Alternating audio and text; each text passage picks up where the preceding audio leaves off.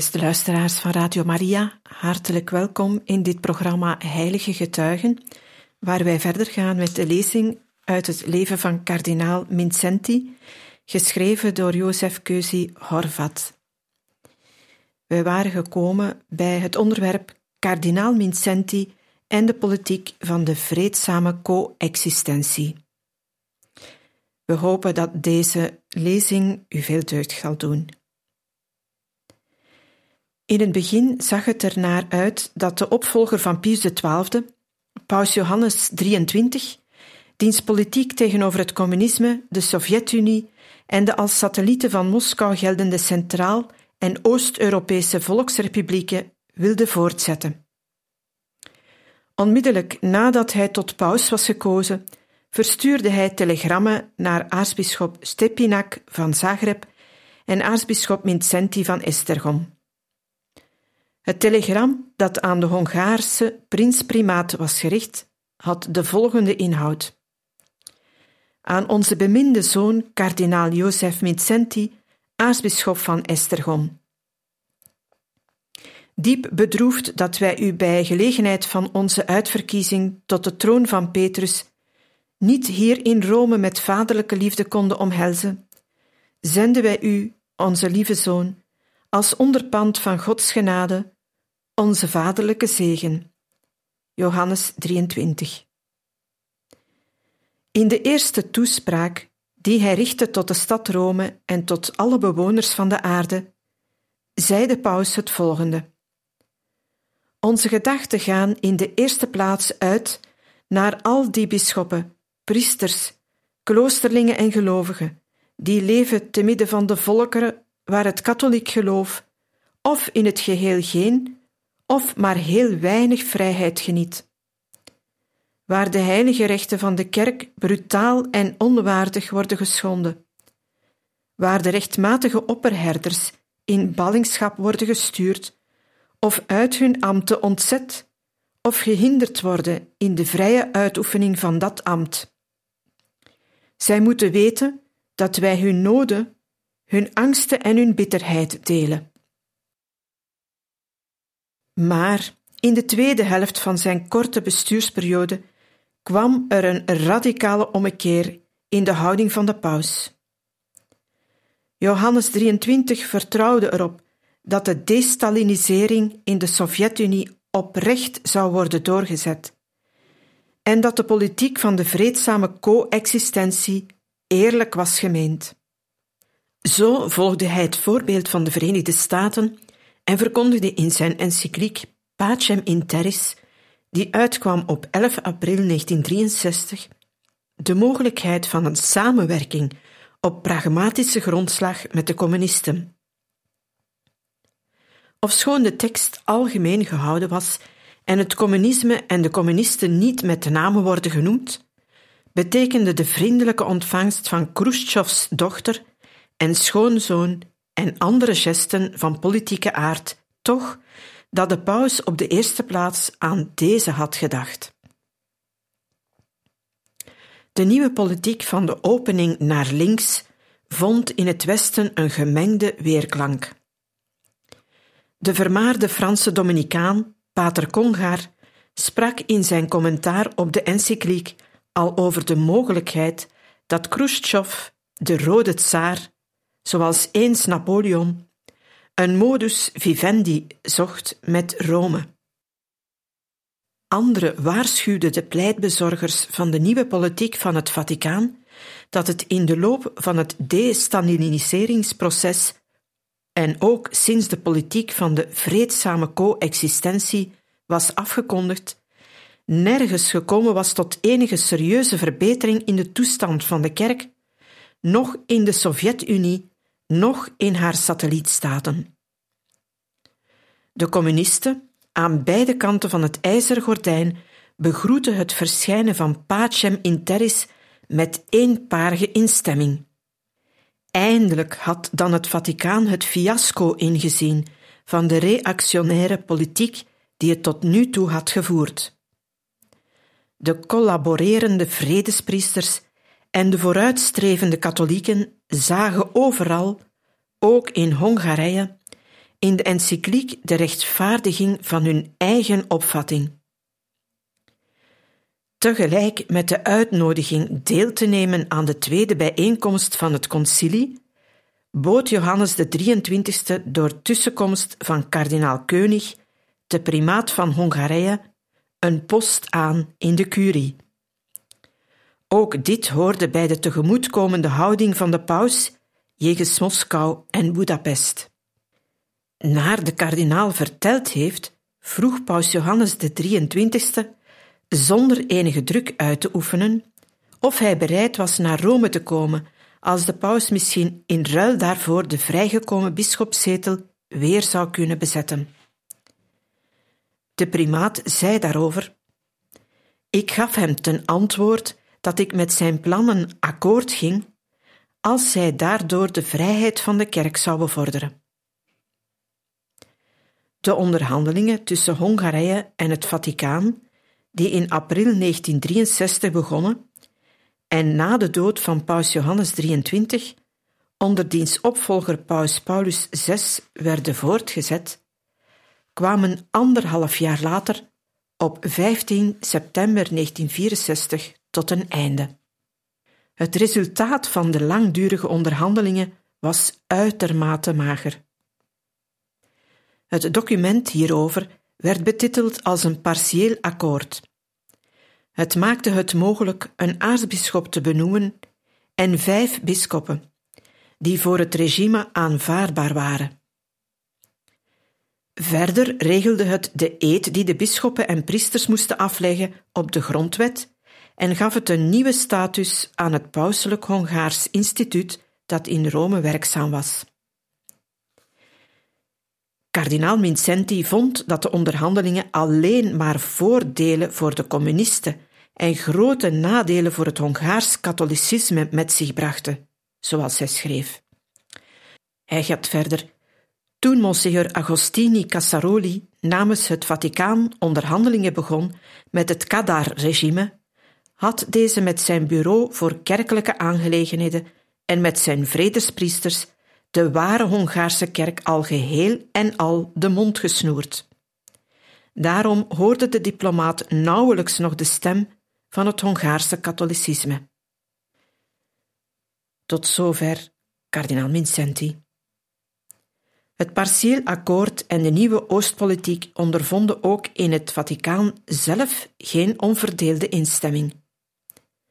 Monsieur Zagon, die later al persoonlijk afgezant van de paus besprekingen voerde met de primaat, zei in de preek dat hij hield op 13 juni 1965, bij het gouden priesterjubileum van de primaat, Iemand die niet alleen de gedeeltelijke overeenkomst, maar de hele inhoud kent van de besprekingen, twijfelt er niet aan dat deze besprekingen een bevestiging zijn van de houding die Vincenti heeft aangenomen omdat het communisme tot de dag van vandaag nog geen afstand heeft gedaan van zijn plan de kerk te vernederen, tot de ondergang te voeren en haar daarna op te heffen.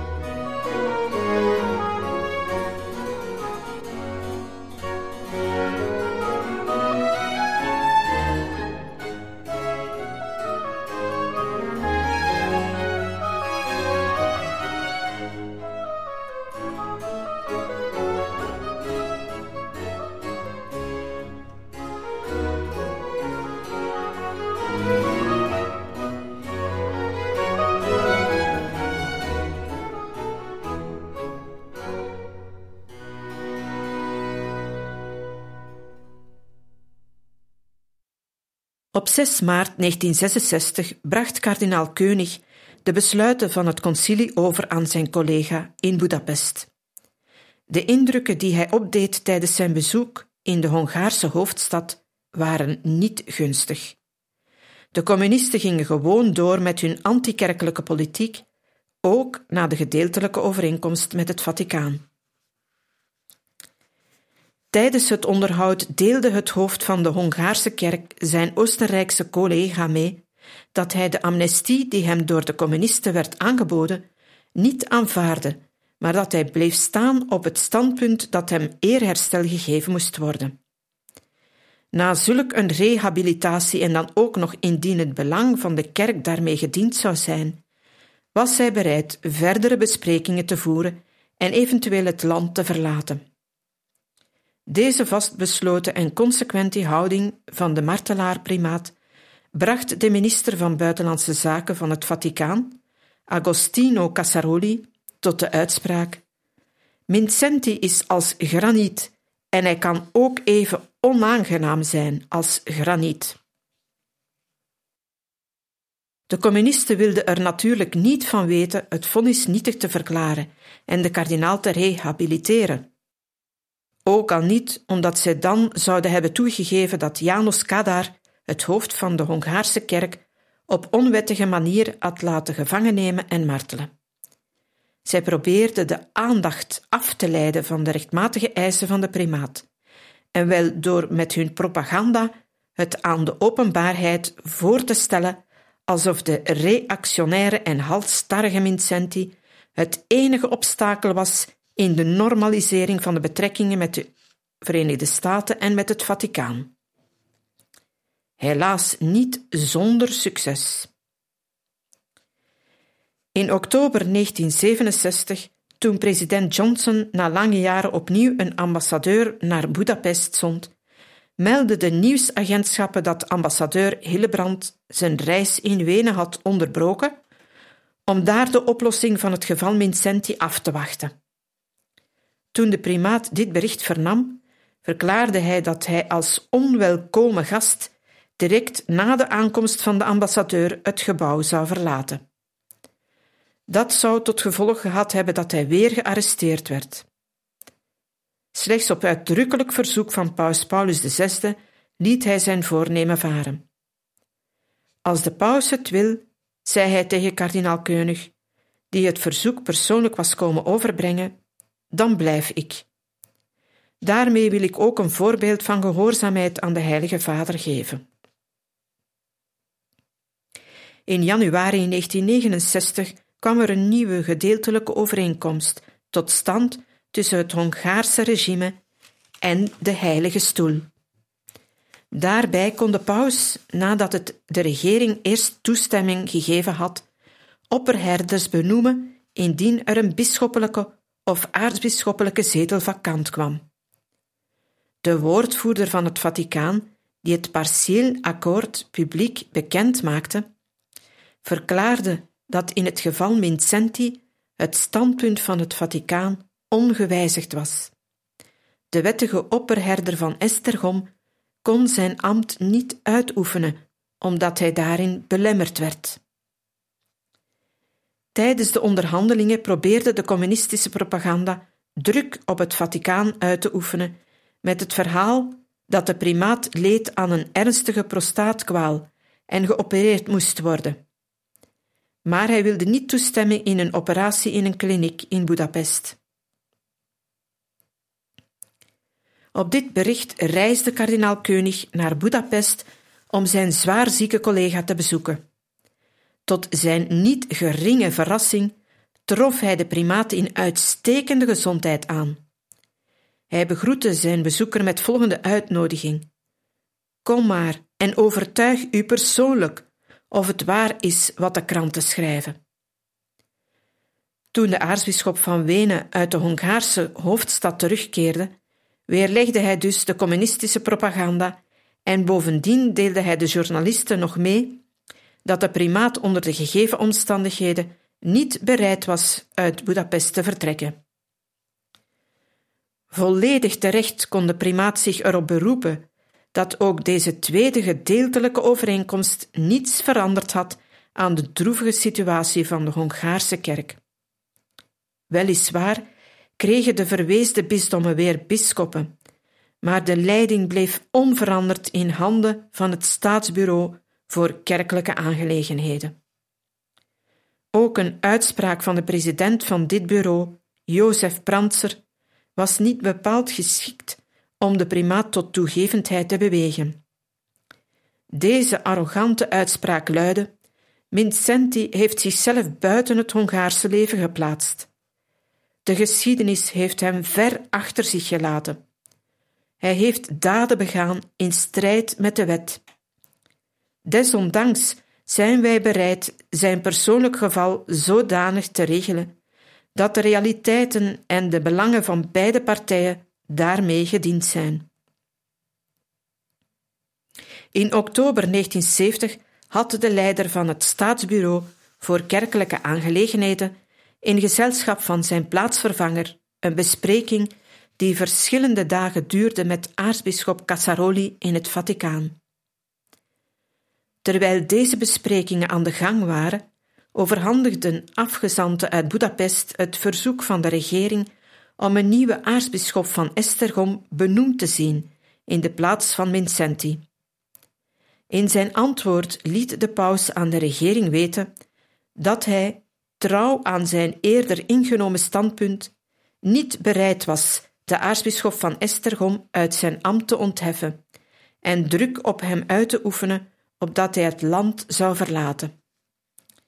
De paus, aldus aartsbisschop Cassaroli, wenst ook in de toekomst de beslissingen te respecteren die door de kardinaal in vrije wil getroffen zijn. Maar het jaar daarop verkeerde nogthans alles in zijn tegendeel. Op 28 september 1971 werd de hele wereld verrast met het nieuws dat kardinaal Vincenti van de regering in Budapest amnestie had gekregen en dat hij, op duidelijke wens van de paus, naar Rome was vertrokken. Volgens de commentaren was de Heilige Stoel tenslotte toch gezwicht voor de eis van het Kadar-regime. In feite was de primaat echter niet door Budapest, maar veel eer door Washington gedwongen om in ballingschap te gaan.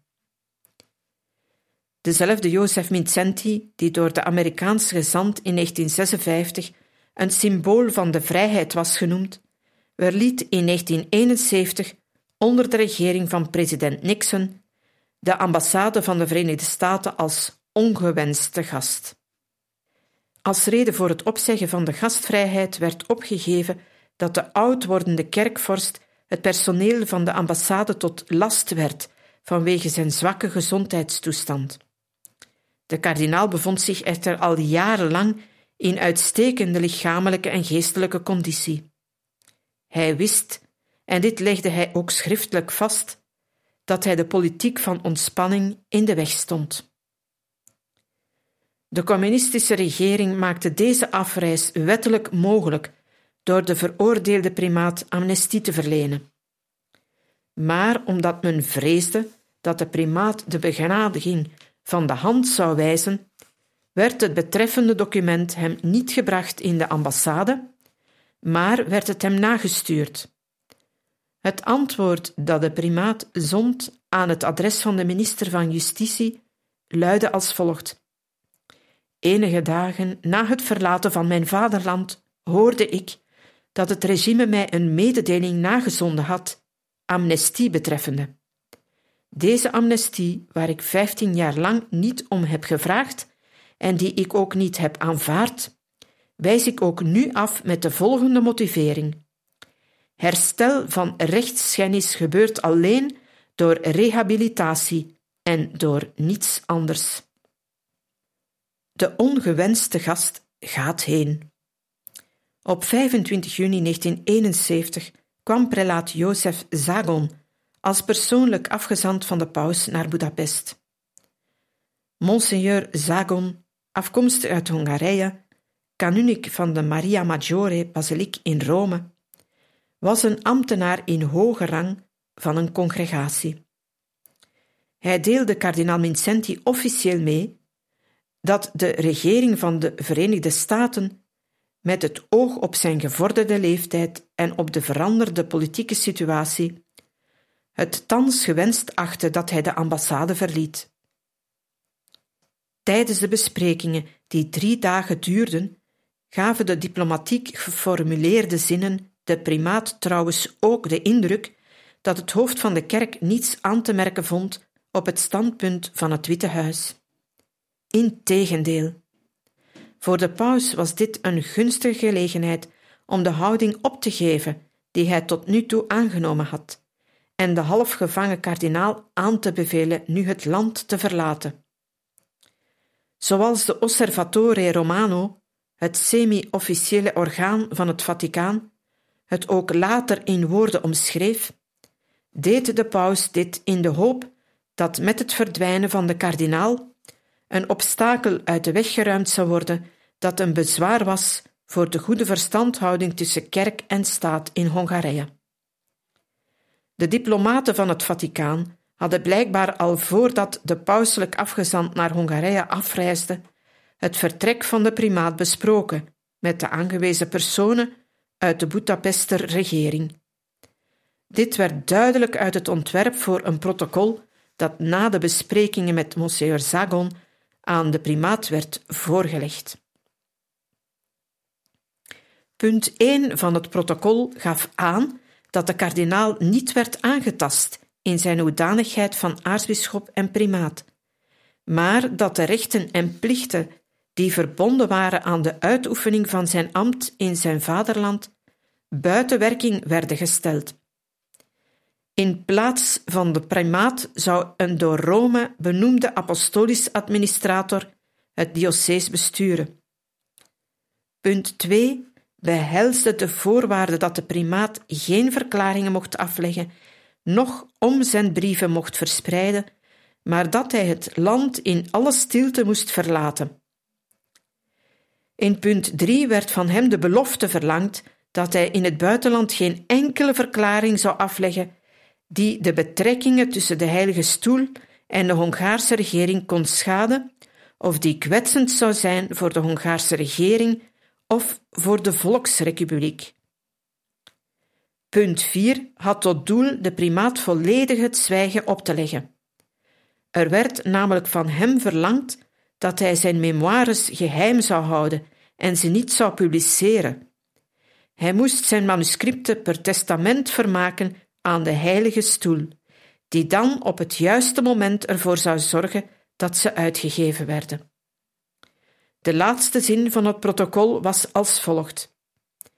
Met inachtneming van de voorwaarden die zijn hervat in de punten 1 tot 4, kan uw eminentie als vrij man door geenerlei belastende beperking gebonden naar het buitenland vertrekken. De kardinaal weigerde uiteraard zijn handtekening onder dit protocol, dat met de wensen van de communistische regering overeenkwam.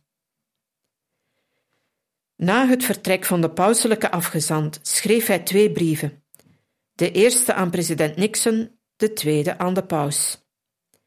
Hij bracht de president van de Verenigde Staten op de hoogte van de toestand en vroeg hem of het niet mogelijk was dat hij ook nu nog in de ambassade bleef wonen.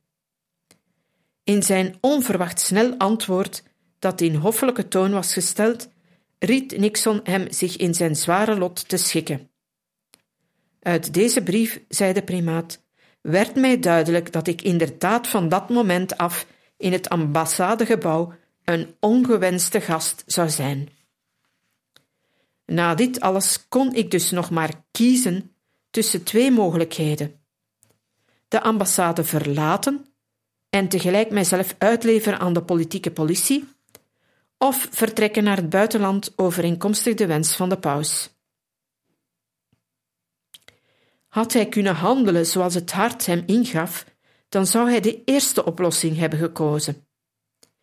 Toen hij de paus meedeelde dat hij de Amerikaanse ambassade zou verlaten, liet hij hem ook weten dat hij dat deel van zijn leven dat hem nog restte wilde doorbrengen op Hongaarse bodem, te midden van zijn geliefde volk, ongeacht de uiterlijke omstandigheden die hem te wachten stonden. Hij voegde daaraan toe: Maar als de hartstochten die worden gevoed tegen mij, of als zwaarwegende redenen gezien van het standpunt der kerk uit dat niet mogelijk maken, dan neem ik het zwaarste kruis van mijn leven op mij. Ik ben bereid mijn vaderland te verlaten en in ballingschap boete te doen voor de kerk en voor mijn volk. In deemoed leg ik dit offer aan de voeten van uw heiligheid. Ik ben ervan overtuigd dat ook het grootste persoonlijke offer ineenkrimpt tot iets onbeduidends als het gaat om de zaak van God en van de kerk. Ook de paus gaf hem antwoord per kerende post, zonder de voorwaarden van het niet ondertekend protocol ook maar met één woord te vermelden, nam hij voor kennisgeving aan dat de kardinaal bereid was het land te verlaten. Na deze brief kwam prelaat Zagon weer naar Budapest.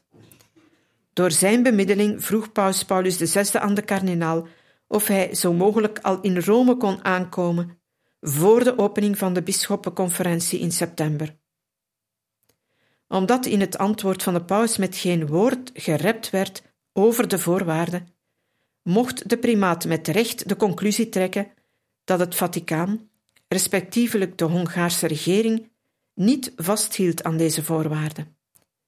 Pas later, na dertien volle maanden, toen moeilijke verwikkelingen zich voordeden, werd hij ervan op de hoogte gebracht dat de Heilige Stoel aan het communistische regime in Hongarije in de zomer van het jaar 1971 had gegarandeerd dat de primaat in het buitenland niets zou zeggen of ondernemen wat het communistische regime kon mishagen. Daarop gaf de kardinaal ten antwoord dat bij de onderhandelingen die van 25 tot 28 juni 1971 tussen hemzelf en de persoonlijk afgezant van de Heilige Vader waren gevoerd, deze bijzonderheid niet was vermeld. Hij schrijft: Als ik geweten had van een dergelijke belofte, dan had ik ongetwijfeld de Heilige Vader gevraagd alle voorzieningen die voor mijn reis getroffen waren weer ongedaan te maken. De banneling, zoals de kardinaal van die dag af zichzelf beschouwde, verliet het land op 28 september 1971 met een diplomatenpas van het Vaticaan. Prelaat Zagon reed met hem in dezelfde auto. Monsieur Shelley, de Hongarije-referent van het Vaticaan, volgde in een tweede auto. In Wenen wachtte hem aartsbisschop Cassaroli om hem te begeleiden in het vliegtuig naar Rome. Van de luchthaven in Rome reed hij met kardinaal staatssecretaris Villot naar het Vaticaan. Bij de ingang van de Torre di San Giovanni, de Sint-Janstoren, omgebouwd tot een gastenverblijf, ontving hem de paus zelf met buitengewone hoogachting. Hij omarmde zijn gast, nam zijn borstkruis en hing het hem om, stak zijn eigen bisschopsring aan de vinger van de kardinaal en bracht hem bij de hand het gebouw binnen. Ook later, al dus de kardinaal, gaf de paus mij bijna dagelijks tekenen van zijn vaderlijke genegenheid. Ik was diep ontroerd toen mij werd toegestaan bij de heilige mis de gelegenheid van de opening van de bisschoppensynode te concelebreren aan zijn rechterzijde.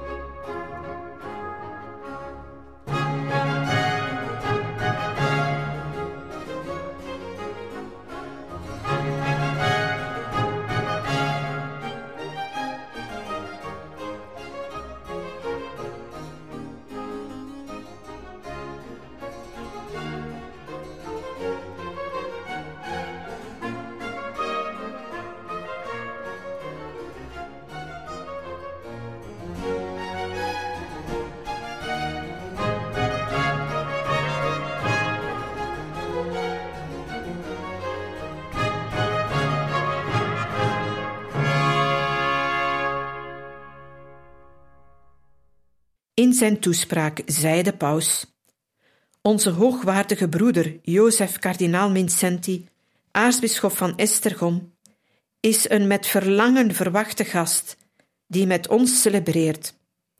Hij is een zinnebeeld van de onwankelbare kracht die wortelt in het geloof en in de belangeloze toewijding aan de kerk. Dit heeft hij eerst bewezen door zijn onvermoeibare arbeid en zijn waakzame liefde. Later door gebed en een lang lijden. Laat ons de Heer prijzen en laten wij tezamen een eerbiedig en van harte gemeend Ave toeroepen aan de verbannen opperherder die zo hoog staat aangeschreven. Na de mis nam de paus hem bij de hand en bracht hem persoonlijk in de Sixtijnse kapel. Zo een grote eer bewezen hem ook de kardinalen en bisschoppen die aan de synode deelnamen. Vele van hen bezochten hen. Zelf bracht hij een bezoek aan de leidende figuren van het staatssecretariaat en van de verschillende onderafdelingen van de curie. Hij bad in de vier grote basilieken en in diepe eerbied droeg hij de mis op in de Sint-Pieter bij het graf van Paus Pius XII. De hartroerende ontvangst die Paus Paulus de verbannen kardinaal Vincenti had toebereid, werd door een deel van de pers gecommentarieerd als de slotakte van de heldhaftige en tragische levensloop van de primaat. Blijkbaar werd ook door hen die verantwoordelijk waren voor de nieuwe Oostpolitiek van het Vaticaan ongeveer zo deze ontvangst uitgelegd. Het bewijst dat zij de oude kerkvorst niet kende. Hij was zich buitengewoon helder bewust van zijn zending en gezegend met een uitzonderlijke sterke wil. Hij hunkerde ernaar, na 23 jaar gedwongen zwijgen, de kracht die hem gebleven was opnieuw in dienst van God en van de kerk te stellen. Reeds bij zijn besprekingen in Budapest met de persoonlijke afgezant van de paus had hij verklaard dat hij wilde wonen in de Oostenrijkse hoofdstad, in het seminarie dat was gesticht door zijn grote voorganger, primaat Peter Pasmani. Dit seminarie staat onder de aartsbisschop van Estergom. Sinds de dood van de rector stond daar voor de kardinaal een passende woonruimte klaar. Tot zijn grote verrassing moest hij echter horen dat zijn wens om daar zijn intrek te nemen niet besproken was met de kerkelijke en wereldlijke overheid in Oostenrijk. Hij moest energiek optreden om te bereiken dat de nodige stappen werden ondernomen. Op 23 oktober 1971 verliet hij Rome om naar Wenen te reizen. Hij schrijft hierover: Op deze dag celebreerde ik weer met de Heilige Vader. De Hongaarse priesters en kloosterlingen namen deel aan de Heilige Mis en zongen daarbij Hongaarse liederen. Toen wij na de Heilige Mis de sacristie binnengingen, liet de paus allen die daar aanwezig waren eerst vertrekken, keerde zich toen tot mij en zei in het Latijn: Je bent en blijft aartsbisschop van Estergom en primaat van Hongarije.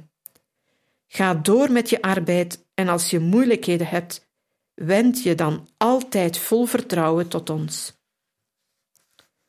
Daarop riep hij monsieur Zagon, die hij in mijn aanwezigheid in het Italiaans het volgende meedeelde. Ik schenk zijn eminentie mijn kardinaalsmantel, opdat die hem in het koele land beschermen zal tegen de koude en hem herinneren mogen aan de liefde en hoogachting die ik voor hem koester. Monsieur Zagon kreeg de opdracht mij uit naam van de Heilige Vader ervan te verzekeren, schrijft hij, dat mijn lot volstrekt niet ondergeschikt gemaakt werd aan andere strevingen. De kardinaal moest altijd aartsbisschop van Estergom en primaat van Hongarije blijven. De eerste indrukken die de verbannen kerkvorst in de Oostenrijkse hoofdstad opdeed, waren gemengd van aard. Diep geroerd was hij door de werkelijk broederlijke liefde waarmee de aartsbisschop van Wenen en de bevolking van de stad hem ontvingen. Het is mij een grote eer, sprak kardinaal Keunig tot hem, dat ik de gastheer mag zijn van uw eminentie. Wij zijn gelukkig dat wij u in ons land als gast kunnen begroeten, en wij hopen dat uw eminentie nog vele lange jaren van de vrede en de vrijheid kan genieten, in ons midden en in deze stad, waar zoveel van uw landgenoten en tweede vaderland gevonden hebben. Anderzijds vervulde het de primaat met diep verdriet dat een brokstuk van een zin uit zijn omzendbrief aan de Hongaren in de Vrije Landen door een paar politici en journalisten werd opgevat als een aanval op Oostenrijk, het land dat hem gastvrijheid bood. De verkeerd begrepen of verkeerd uitgelegde zin begon zo. Met geloof en met hoop op God hebben wij de drempel overschreden van de gevangenis en de voorlopige dodelijke grens. Zij die deze aanhef misverstonden of opzettelijk verkeerd uitlegden, beweerden dat de primaat daarmee de geldigheid bestreed van de Oostenrijks-Hongaarse grens, zoals die was vastgelegd na de Eerste Wereldoorlog. Als antwoord daarop liet de primaat door zijn secretaris duidelijk stellen dat hij met voorlopige dodelijke grens het ijzeren gordijn had bedoeld.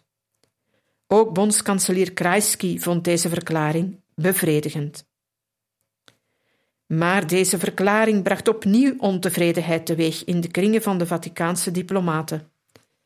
De primaat kreeg uit Rome de wenk om voortaan al zijn uitlatingen en zelfs zijn preken in de kerk eerst ter goedkeuring voor te leggen aan de Heilige Stoel. Op deze diep vernederende eis gaf de martelaar-kardinaal ten antwoord dat hij bereid was zijn uitlatingen onder supervisie te stellen van de Heilige Vader, maar dan ook van Hem alleen en wanneer Hij zelf het uitdrukkelijk van Hem verlangde. De drievoudige taak in ballingschap. Toen ik mij in ballingschap begaf, schrijft de primaat, vond ik een beetje troost in de gedachte dat ik als God mij leven en kracht zou schenken, mij ook in het buitenland in dienst kon stellen van drie waardevolle opdrachten. Als Hongaars primaat kon ik als een echte opperherder de vele honderdduizenden katholieken onder mijn hoede nemen. Met de publicatie van mijn memoires kon ik de aandacht van de hele wereld vestigen op het bolsjevistische gevaar. En af en toe kon ik misschien mij ontfermen over het tragische lot van mijn volk. Het is verbazingwekkend met hoeveel geestdrift en energie de tachtigjarige kerkvorst met zijn gemarteld lichaam en zijn zwaar beproefde geest het op zich nam deze drievoudige taak tot een goed einde te brengen. Hij stond om zes uur s morgens op en zag zelden voor middernacht zijn bed, of liever zijn matras die op de kale grond lag, hetgeen overigens alleen zijn naaste omgeving wist. Buiten de heilige mis, zijn meditaties en gebeden en zijn korte namiddagwandeling wijde hij de hele dag aan zijn werk. Toen een van zijn vertrouwde medewerkers dit vermoeiend werktempo en vooral de uitputtende nachtelijke arbeid ter sprake bracht, verdedigde de kardinaal zich met zijn veelbetekenend lachje. Weet u, in de gevangenis moest je al om zes uur op je krib gaan liggen, en dat uithouden tot zes uur de volgende morgen. Ik heb toen tegen mezelf gezegd: als ik nog ooit eens vrij ben, ga ik nooit meer voor middernacht naar bed. En daar houd ik mij nu aan. Hij ontving talloze bezoekers. Nog groter was het aantal mensen met wie hij correspondeerde. Het personeel van zijn secretariaat en van zijn kanselarij kon hem maar met de grootste moeite bijhouden. En, ofschoon hij zo arm als een bedelaar in het buitenland terechtgekomen was, deelde hij van het begin af aan met gulle hand zijn gaven uit. Voor zijn persoonlijke behoeften kreeg hij namelijk van verschillende weldoeners geld, en dat geld stuurde hij dadelijk door naar personen en instellingen die het nodig hadden. Hij had het plan een organisatie in het leven te roepen die de zielzorg van de ongeveer anderhalf miljoen Hongaarse katholieken ten westen van het IJzeren Gordijn op zich nemen kon. Zelf zou hij daarbij de leiding hebben en ook zou hij over hulpbischoppen moeten kunnen beschikken. Maar dit plan werd door de Heilige Stoel niet goedgekeurd. Daarom trof hij voorbereidingen om zelf pastorale reizen te ondernemen in Europa, naar Noord- en Zuid-Amerika, naar Australië, Nieuw-Zeeland en Zuid-Afrika. Voor zijn reisprogramma als zielzorger maakte hij dit ontwerp. Zolang de Heer mij in leven laat en mij gezondheid geeft, ga ik overal naartoe waar ik uitgenodigd word, waar ik met vreugde word ontvangen en waar mijn bezoek zin heeft. Achteraf kunnen we vaststellen dat hij op zeer vele plaatsen werd uitgenodigd, overal met vreugde ontvangen en dat geen van zijn bezoeken zonder zin bleef. Het oorspronkelijke kader voor zijn bezoeken, bezoek aan de Hongaarse katholieken, bleek al bij de eerste gelegenheid tussen 20 mei en 24 mei 1972 in West-Duitsland te eng te zijn. Behalve zijn katholieke Hongaren wilden ook de protestantse Hongaren en zelfs de Duitsers hem zien en horen. Hetzelfde deed zich voor in de andere landen van Europa en in de gebieden over zee. Redenaars van kerk en wereld, artikelen in kranten, commentaren op radio en televisie verklaarden eensgezind dat kardinaal Vincenti er niet alleen was voor de Hongaren, maar ook en juist voor alle volkeren, voor de hele christenheid, ja, voor de hele mensheid die de vrijheid liefhad en de rechten van de mens beschouwde als heilig en als onschendbaar. Overal waar hij ook maar verscheen, kwamen de Hongaren van heinde en ver en omringden hem in grote menigte. Bijna overal deden zich taferelen voor, zoals in Bamberg in Duitsland en Montreal in Canada, waar volgens de verslagen men geen naald kon laten vallen, omdat de Hongaren de kerk tot de laatste millimeter hadden gevuld. Beste luisteraars, we beëindigen hier voor vandaag deze lezing over het leven van kardinaal Vincenti en gaan volgende keer verder met het onderwerp de drievoudige taak in ballingschap. We hopen dat deze lezing u gesticht heeft, wensen u nog een gezegende avond toe en tot een volgende maal.